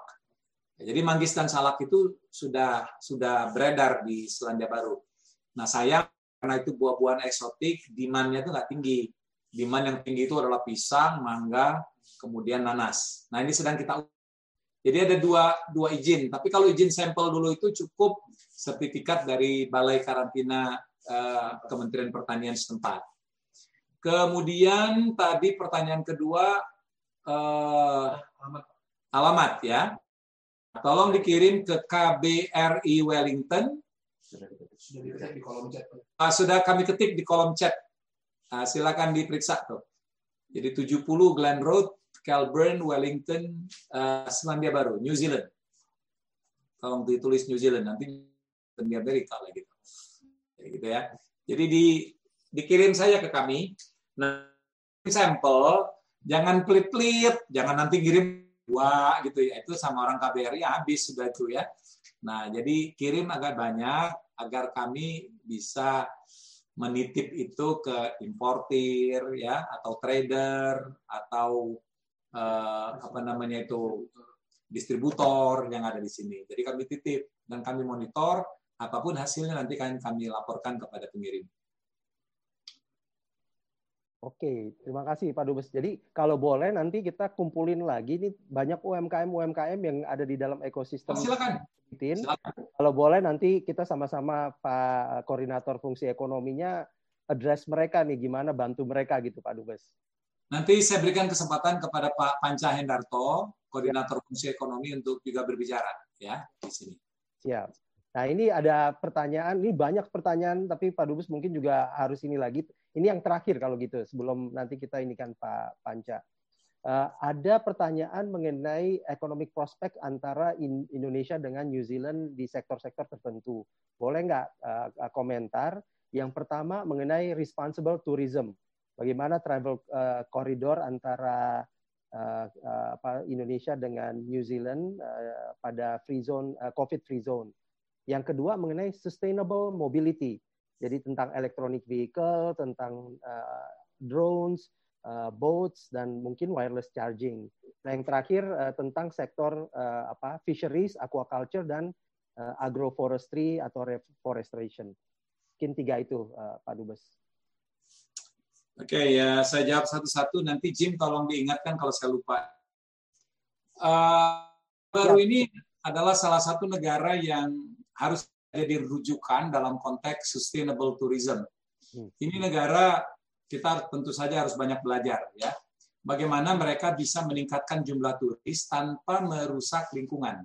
Nah, kita tahu bahwa culprit dari apa namanya itu uh, lingkungan yang rusak itu adalah salah satunya itu adalah data ya si, iya. si, si culpritnya itu ya Yeah. Nah, ternyata di sini uh, mereka jawab dengan mereka menjaga lingkungan. Lingkungan itu tetap asri, ya. Uh, danau, sungai, laut tidak rusak. Kemudian uh, hutan itu tetap terjaga, gitu ya. Ya, di tengah terus uh, meningkatnya jumlah turisme. Nah, jadi uh, kalau kita berbicara uh, kerjasama sustain tourism, saya sampaikan bahwa Selandia Baru adalah mitra pertama yang kita uh, pikirkan, ya. Nah, bagaimana bentuk kerjasamanya? Uh, silakan saja nanti berbicara dengan koordinator fungsi ekonomi kami. Yang jelas ada opportunity yang cukup besar ya antara dengan pemerintah Selandia Baru terkait sustainable uh, apa namanya tourism ini. Nah, kemudian kedua mengenai eh, produk-produk industri yang canggih ya seperti mobil ya. Nah, ini menarik nih.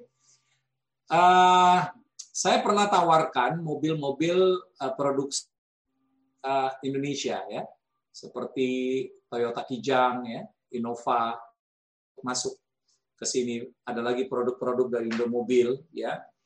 Ada ada beberapa hambatan. Pertama, standar emisi kita dengan Selandia Baru itu masih belum sama.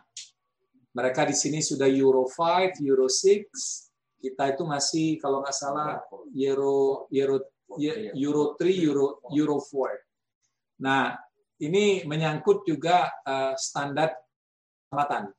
Nah, mereka terkait keselamatan dan emisi ini tidak ada ruang kompromi. Ya, jadi uh, saya sudah berbicara dengan industri otomotif di uh, Indonesia, mereka agak sulit uh, untuk memenuhi karena serapan pasarnya tentu saja tidak besar di sini. Itu ya, itu yang pertama. Nah, yang kedua, pasar otomotif di sini ini didominasi oleh second hand, uh, bukan mobil-mobil baru. Jadi mobil-mobil second dari Australia, dari Jepang, dari Inggris yang setir kanan ya, itu mendominasi eh, importasi mobil yang ada di sini. Nah kita tahu kan mobil-mobil di Jepang itu kan kondisinya bagus-bagus walaupun second, kilometernya masih di bawah 40 ribu bahkan ada 20 ribu ya. Kemudian eh, karena kondisi jalan di Jepang jadi mobil itu bisa dipastikan uh, kelayakan memang memenuhi persyaratan di sini gitu. Kemudian uh, begitu juga eh, mobil-mobil uh, bekas dari Australia dan uh, Inggris. Saya rasa Pak, Pak Najib juga tuh bisa bisa share juga. Industri otomotif di Australia juga tidak hidup kan. Holden aja tutup karena ya importasi uh, second hand car itu memang, memang menjanjikan harganya murah, kondisinya masih bagus. Nah, jadi mobil-mobil baru itu hanya dibutuhkan untuk rental. Nah, rental itu empat tahun atau kurang dari empat tahun diganti kemudian dijual lagi ke market. Untuk produk-produk lain yang uh, high uh, sophistication, misalnya pun apalagi tadi disebut, tetap tetap saya rasa ada pasarnya. Cuman kita belum belum pernah dapat kiriman uh, produk-produk seperti itu. Trying sebenarnya.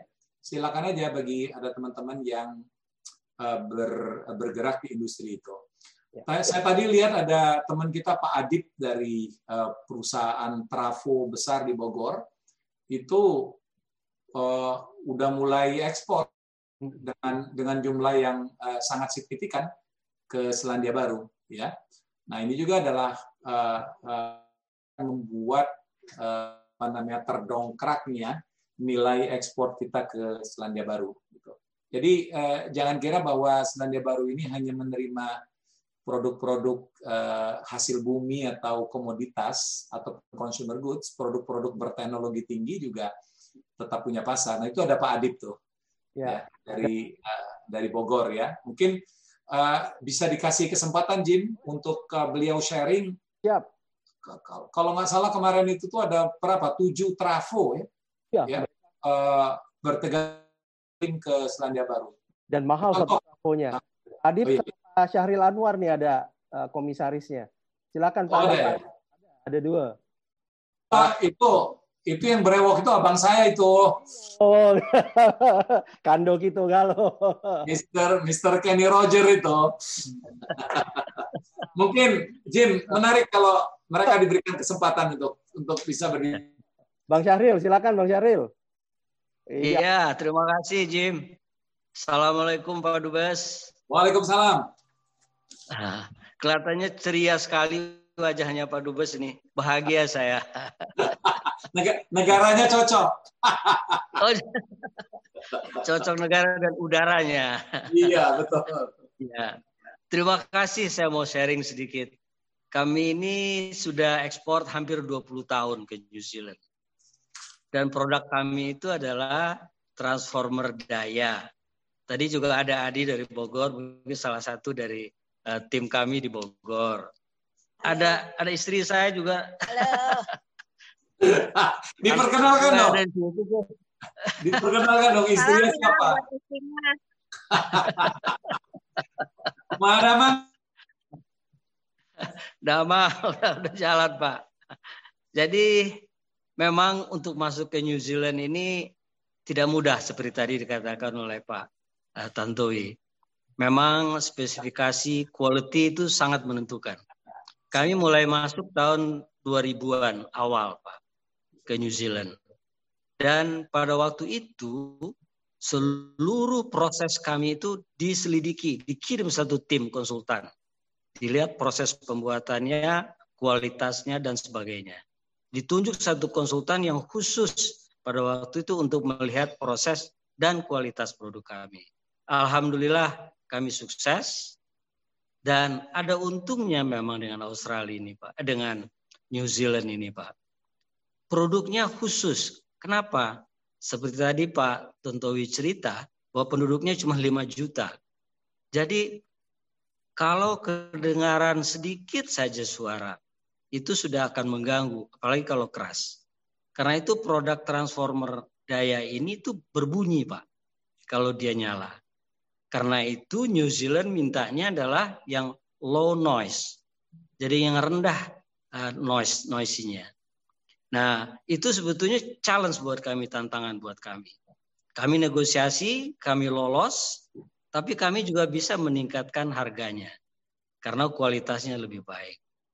Total produksi sudah kami kirim ke sana sekarang mencapai 382 Malah on the way sekarang ada empat trafo Pak dikirim ke sana.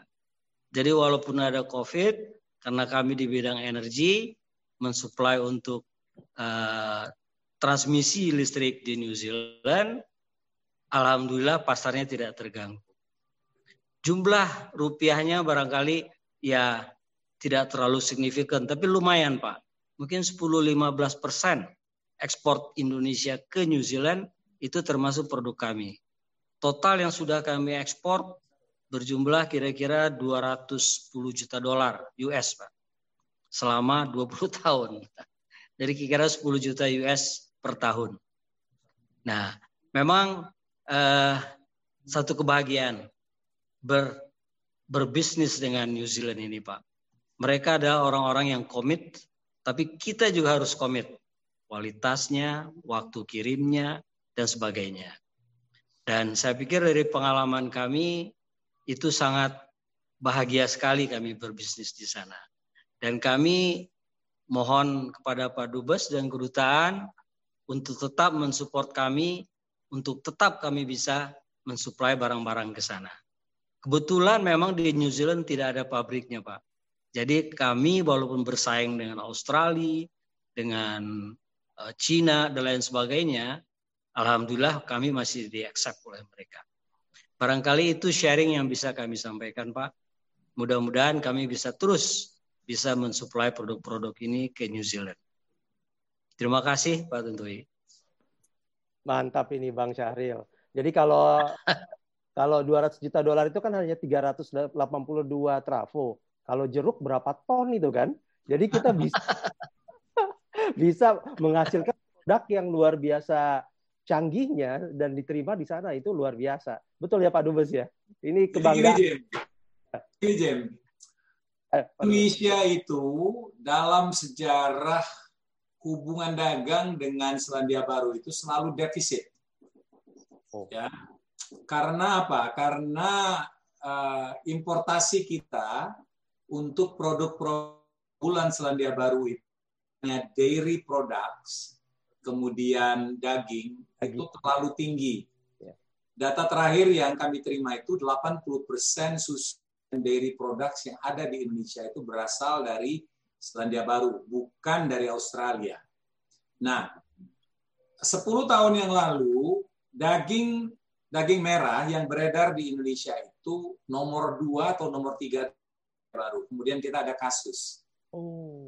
Kasus yang kemudian diselesaikan oleh WTO dan kita kalah. Nah, hmm. selama kasus itu berlangsung terjadi kekosongan uh, importasi daging dari Selandia Baru dan ini diisi oleh negara-negara lain utamanya Argentina dan India. India. Sekaligus kekosongan Selandia Baru ini memperkuat uh, dari Australia. Nah, sehingga uh, saat ini uh, ekspor daging Selandia Baru Indonesia itu belum normal. Posisi itu bayangkan terjun tajam dari nomor 2 sekarang ini nomor 12 atau segala macam. Nah, ini ini yang mem, uh, mereka itu selalu komplain ke saya gitu ya. Nah, uh, sedangkan kita tahu lah uh, di dunia perdagingan itu kita nggak usah sebut di sini ya. Dunia perdagingan itu uh, penuh dengan dan uh, New Zealand is not very happy with these conditions. So, nah, untuk susu mereka masih uh, uh, terbesar di Indonesia. Nah, importasi kita untuk dua produk ini saja itu sudah mengalahkan ekspor kita ke sini.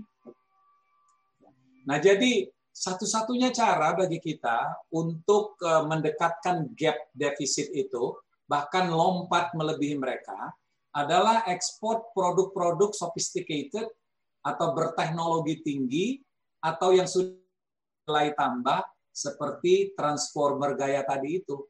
Baru kita dalam waktu saya rasa kurang dari lima tahun kita bisa di atas mereka, ya. Jadi mimpi mimpi saya bahwa kita harus banyak uh, eksportasi produk-produk yang mengandung teknologi, ya, kemudian juga mempunyai nilai tambah. Kalau kita terlalu banyak bermain di komoditas, pertama harganya itu dimainkan ya oleh dunia, dua saingan kita itu banyak. Jadi kita sudah mulai memang uh, berpikiran kita itu adalah berpikiran industri tidak lagi uh, apa namanya itu mengekspor barang mentah, tapi harus produk jadi. Nah sebenarnya uh, Bang Sarir, Bang Sarir itu ada satu opportunity lagi ya. Ya, Pak. Sebenarnya kalau kita bisa masuk produk-produk uh, alat-alat pertanian, jadi uh, machineries hmm. seperti uh, traktor, ekskavator, ya dan apa namanya itu uh, produk-produk yang apa nampak kan? Ya, yang yang dibutuhkan oleh uh, oleh dunia pertanian. pertanian.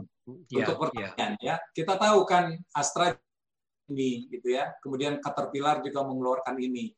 Nah, kalau misalnya kita bisa bisa uh, mengirim produk dengan harga harga bersaing, itu pasarnya besar sekali dan sustainable karena itu dibutuhkan untuk uh, apa namanya industri pertanian di sini. Kan di sini yang menguasai itu adalah John Deere. Oh, ya Amerika ya. Uh, John Deere Amerika. Ya. Nah Amerika itu kan mereka mempunyai uh, apa namanya itu handicap di sini. Jaraknya terlalu jauh dibandingkan apabila misalnya itu uh, barangnya dari Indonesia. Jadi kalau kita bisa bisa menghasilkan itu, saya rasa itu akan terjadi lonjakan dari segi value terhadap uh, ekspor kita. Ya. Itu yang mereka, mereka perlukan saat ini. Wah, ya. keren keren. Keren itu. Tapi ada satu tambahan, Pak. Kami punya pengalaman juga di Australia, Pak Najib. Kami sekarang ah. sedang dalam sesudah di shoe kami sebagai apa namanya uh, menjual barang murah Oh. Jadi lima tahun kami di stop pak, tidak boleh ekspor ke Australia karena disu oleh hmm. produk dalam negerinya Australia. Yeah. Baru bulan ini nih kami sidangnya pak. Jadi selama lima tahun ini itu kepintaran orang-orang industri di sana. Jadi hati-hati kalau seandainya mau ekspor yang ada kompetitor dalam negeri mereka. Yeah. Jadi mereka akan sue dengan anti dumping. Dan ini yang yang mesti hati-hati banget. Kami lima tahun Pak Najib nggak bisa Betul. ekspor ke Australia. Yeah. Baru September ini sidang ini. Iya. Iya, saya teman-teman yang uh, saya mesti ingat Pak Sahrir mengenai masalah uh, apa namanya uh, tuduhan anti dumping ini. Memang uh, apa namanya produk-produk uh, untuk meter ini sudah banyak sekali yang kita ekspor ke Australia juga. Tapi ya itulah Betul. tuduhan itu memang berlarut ya. Benar Pak. Lima tahun Pak kami di stop. Yeah. Luar biasa ini. Jadi saya rasa tadi uh, pas banget ini uh, apa endingnya. Uh, gimana kita bisa uh, membuat value value added products uh, yang kemudian juga masuk dalam uh, global value chain. Jadi itu saya rasa uh, apa uh. key pointnya tadi dan dan sudah ada bukti ini Pak Bang Syahril ini udah 20 tahun gitu ya bisa masuk padahal itu bisa di, disampaikan bahwa produknya itu adalah produk yang uh, lumayan high tech gitu ya uh, apa transformer uh, dibutuhkan di sana bisa masuk dan tadi kita lihat kalau kita bandingkan antara satu transformer itu dibandingkan dengan misalnya apa kelapa sawit atau uh, misalnya jeruk atau buah-buahan walaupun kita juga bisa ini ya tapi jauh sekali gitu uh, nilai tambahnya dan juga uh, apa uh, tadi uh, berapa besar yang kita harus uh, apa produksi. Pak Dubes uh, Tantowi, ada lagi yang mungkin ingin disampaikan ke teman-teman? Ya, jadi di Selandia Baru ini setiap bulan Februari kalau itu ada uh, agriculture ya. Nah, di dalam ini pameran sangat besar. Uh, pesertanya itu adalah perusahaan-perusahaan uh, produser dari mesin-mesin atau alat-alat pertanian. Saya melihat ini adalah satu opportunity besar ya karena Selandia Baru sendiri itu belum sanggup untuk memproduksi mesin-mesin seperti ini. Ini iya, didominasi yeah, dari Amerika, Jepang dan of course lately China. Nah, jadi yeah. ah, jadi kalau kita bisa berpartisipasi di sini, saya rasa it's gonna be very huge. Karena apa? Ini adalah negara pertanian, jadi tingkat kebutuhan mereka terhadap mesin-mesin seperti itu dari yang sifatnya sederhana, ya, sampai dengan yang berteknologi tinggi itu akan uh, tetap dibutuhkan secara berkesinambungan. Ya, nama eventnya itu Field Days. Field Days. Ya, jadi, uh, Bang Saril, boleh saya rasa ya. sekali kalau misalnya selesai, kita datang ke sana, kita lihat, wah itu luar biasa Pak itu luar biasa. Itu pameran pertanian saya rasa one of the biggest in the world. Ya, yeah, one of the biggest in the world. Jadi seluruh produk-produk yang terkait pertanian ya, fertilizer, mesin, mm -hmm. ya, itu semua Pak itu, ya. Nah, jadi uh, fertilizer ini Pak juga dibutuhkan. Hmm. Ya. Nah, barang-barangnya itu sekali lagi masuknya dari China. Masuknya yeah, dari yeah, China. Yeah ya dan juga dari hmm. Malaysia. Problemnya kita itu adalah bahwa saya nggak ngerti. Kita itu kan udah surplus dalam konteks pupuk urea, tapi kenapa jadi mahal? Ya, jadi harga ekspor Gasnya itu mahal, Pak. Gimana, Pak? Gasnya mahal, Pak. Gasnya nah, mahal, Pak. Bahan bakunya. Nah, itu dia, Pak. Jadi carikan solusi bagaimana uh, pupuk urea dan fertilizer lainnya itu bisa masuk di sini. Karena kebutuhannya itu sustain. Ini yang Ya, akan terus dibutuhkan oleh mereka. Kita itu sekali lagi kita harus mentalisasi keuntungan kita dibandingkan negara-negara lain. Faktor jarak. Kita tuh dekat. Ya. Betul. Kita. Jadi kita bisa uh, apa namanya itu sebenarnya gain apa namanya itu uh, significantly uh, secara ekonomi dari faktor jarak itu dibandingkan transportation cost ya, ya. Hmm. Exactly mereka harus berhubungan dengan hmm. Tiongkok yang secara geografis itu lebih jauh dibandingin. Betul betul. Itu bulan apa tadi Pak Tontowi? Uh, mari cek tuh, field di, di Hamilton itu. Jadi uh, mudah-mudahan tahun depan ini sudah buka bordernya Pak bulan Juni. 16 19 Juni. Juni. Juni. Ah, 18 Juni. 19 Juni ya. Uh, jadi kita datang sebagai observer aja dulu. Ya. Iya. Udah lihat apa opportunity-nya Pak ya. Itu Fontera itu, Fontera yang koperasi susu itu. Wah, itu dah luar biasa. Ya karena ya mereka jualannya di situ. Iya. Kesempatan untuk jualan di situ ya. Bisa, ya. Wah, saya baru dua kali Pak ke New Zealand Pak. Satu kali dia saya kongres asosiasi kontraktor West uh, West Pacific Rim. Oh. Satu kali lagi golf dua tahun yang lalu, tapi nggak sempat ketemu dengan Pak Dubes nah, bersama Pak Peter Gonta. Dosa, dosa, itu harus dibayar itu. Waduh, terima kasih banyak uh, Bang Syahril, uh, Pak Dubes ini. Terima kasih kembali. Uh, apa uh, atas uh, juga tadi uh, masukannya juga. Terima kasih sekali lagi. Ini Pak Dubes uh, Tantowi kayaknya kita mesti ada beberapa kali ini karena peluangnya luar biasa dan dan menarik tadi karena bukan hanya di uh, bidang komoditi saja tapi juga ada bidang-bidang lain yang kita sebetulnya punya peluang untuk bisa masuk. Jadi mohon izin nanti Pak Tantowi untuk ngubungin juga Pak Panca, Pak Koordinator Fungsi Ekonominya untuk secara uh, detail kita bisa kumpulin teman-teman yang kira-kira uh, bareng-bareng lah untuk meraih cita-cita Pak Dubes nih untuk bisa tembus yang 40 triliun itu Pak Dubes. Karena butuh bantuan Betul. orang kan kita untuk mengarah ke sana. Terima kasih Pak Dubes. Ada mungkin ada mau eh, kata-kata terakhir untuk teman-teman ini?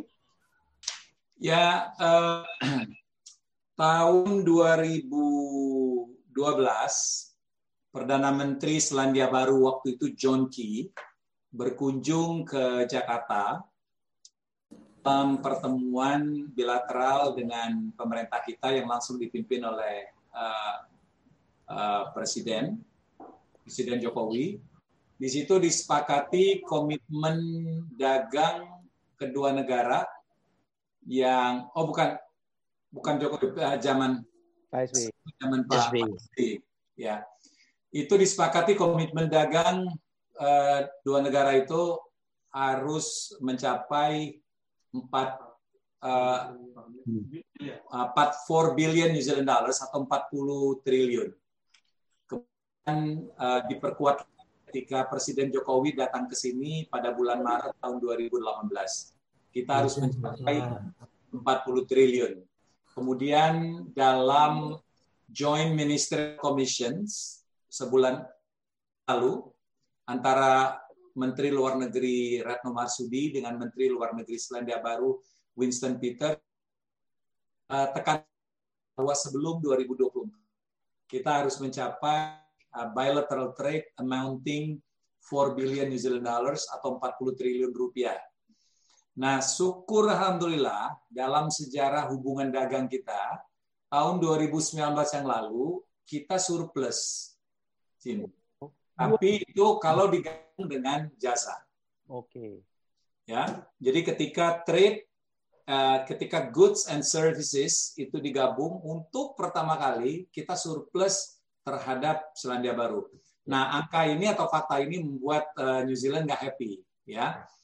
Nah, ternyata yang berkontribusi membuat kita surplus itu adalah transformer gayanya Bang Sahril ini, ya salah satunya. Ya. Terima kasih banget ini. Kemudian kedua, Sama-sama. kedua lonjakan jumlah turis dari Selandia Baru dari 70 ribu ketika saya datang bulan April 2017, tahun 2019 itu melunjak ke 147 ribu. Ya, jadi ada lonjakan 100% orang Selandia Baru yang berkunjung ke Indonesia, utamanya Nah, jadi seperti inilah yang berkontribusi besar terhadap uh, peningkatan trade value kita dengan Selandia Baru yang sampai dengan tahun lalu itu jumlahnya sudah mencapai kurang lebih 28 triliun ya 28 triliun. Nah, tugas kita uh, cukup berat karena kita harus cari 14 sampai dengan 16 uh, eh, triliun lagi sampai dengan 2024 tinggal waktunya empat tahun lagi.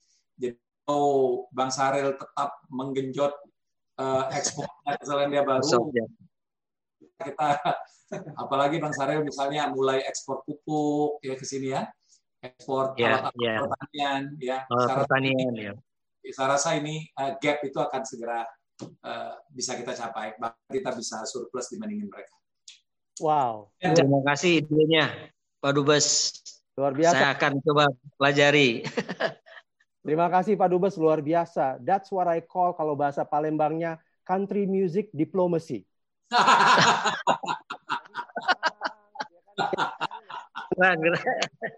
Tapi menghanyutkan gitu. Wah, itu Kando Tantowi luar biasa. Terima kasih Pak Dubes saya luar biasa ini.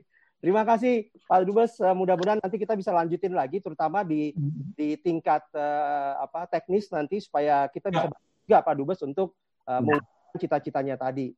Uh, saya rasa apa terima kasih ini kita udah pakai tambahan 42 menit ini rupanya. Janji sama Pak Dubes satu jam galo, tapi satu jam 40 menit nggak terasa ya Bang Syahril ya. Udah ini. Iya betul. Kangen ini kita soalnya. Jadi terima kasih Kano. Oke. Assalamualaikum warahmatullahi wabarakatuh. Saya kembalikan ke Memo. Silakan Mas. Waalaikumsalam. Terima kasih. Oke, diskusi yang cukup menarik dan ternyata waktunya melebihi yang sudah kita jawabin dan luar biasa banget. Terima kasih banget kepada Pak Duta Besar kita dan terima kasih juga kepada semua yang sudah ambil diskusi Pak Salin Awal luar biasa Pak Duta Besar Najib Ripat dan Pak Jimmy Gani Semoga diskusi hari ini, walaupun ada pertanyaan-pertanyaan yang belum sempat dijawab, kita mohon maaf karena keterbatasan waktu. Dan nanti tetap stay ikuti terus uh, media sosial Orbitin ID. Dan kemudian nanti kita akan pasti diskusi lagi, nanti lanjutan diskusi ini dengan uh, membahas hasil-hasil diskusi hari ini, mungkin lebih detail lagi. Dan mungkin nanti dibuka oleh Pak Tantowi dan nanti siapa duta besar kita, nanti kita akan lihat siapa lagi tim dari Selandia Baru yang akan kita ajak untuk diskusi keberlangsungan daripada diskusi hari ini. Jadi mohon maaf buat yang sudah uh, bertanya tidak bisa dijawab dan terima kasih semuanya kepada Bapak Ibu atas hadir kesempatannya. Dan sekarang kita akan dokumentasi. Kita mohon izin kepada Bapak Ibu semuanya. Mohon izin supaya videonya bisa ditampilin semuanya. Uh, karena ada kita akan dokumentasikan uh, webinar kali ini. Oke. Okay. Jadi di sini ada tiga slide yang di layar. Jadi mohon izin kepada Bapak Ibu semuanya yang bisa menampilkan video. Pak Duta Besar kita juga bakal menampilkan video. Jadi sekarang, oke, okay, tim bisa screenshot ya. Oke, okay. hitungan tiga, dua, satu. Oke, okay. slide kedua, yang tampilan kedua, tiga, dua, satu. Oke, okay. yang ketiga, tiga, dua, satu. Oke, dokumentasi nanti bisa dicek di media sosial kita. Jadi tetap stay dan ikuti perkembangan Orbitin, event-event yang akan kita lakukan. Akhir kata, kami ucapkan terima kasih dan kami tutup. Wabillahi taufiq hidayah. Wassalamualaikum warahmatullahi wabarakatuh. Selamat siang semuanya Bapak Ibu. Terima kasih Pak Dubes. Terima kasih semuanya. Terima kasih Pak. Lengkap. Pokoknya ada 30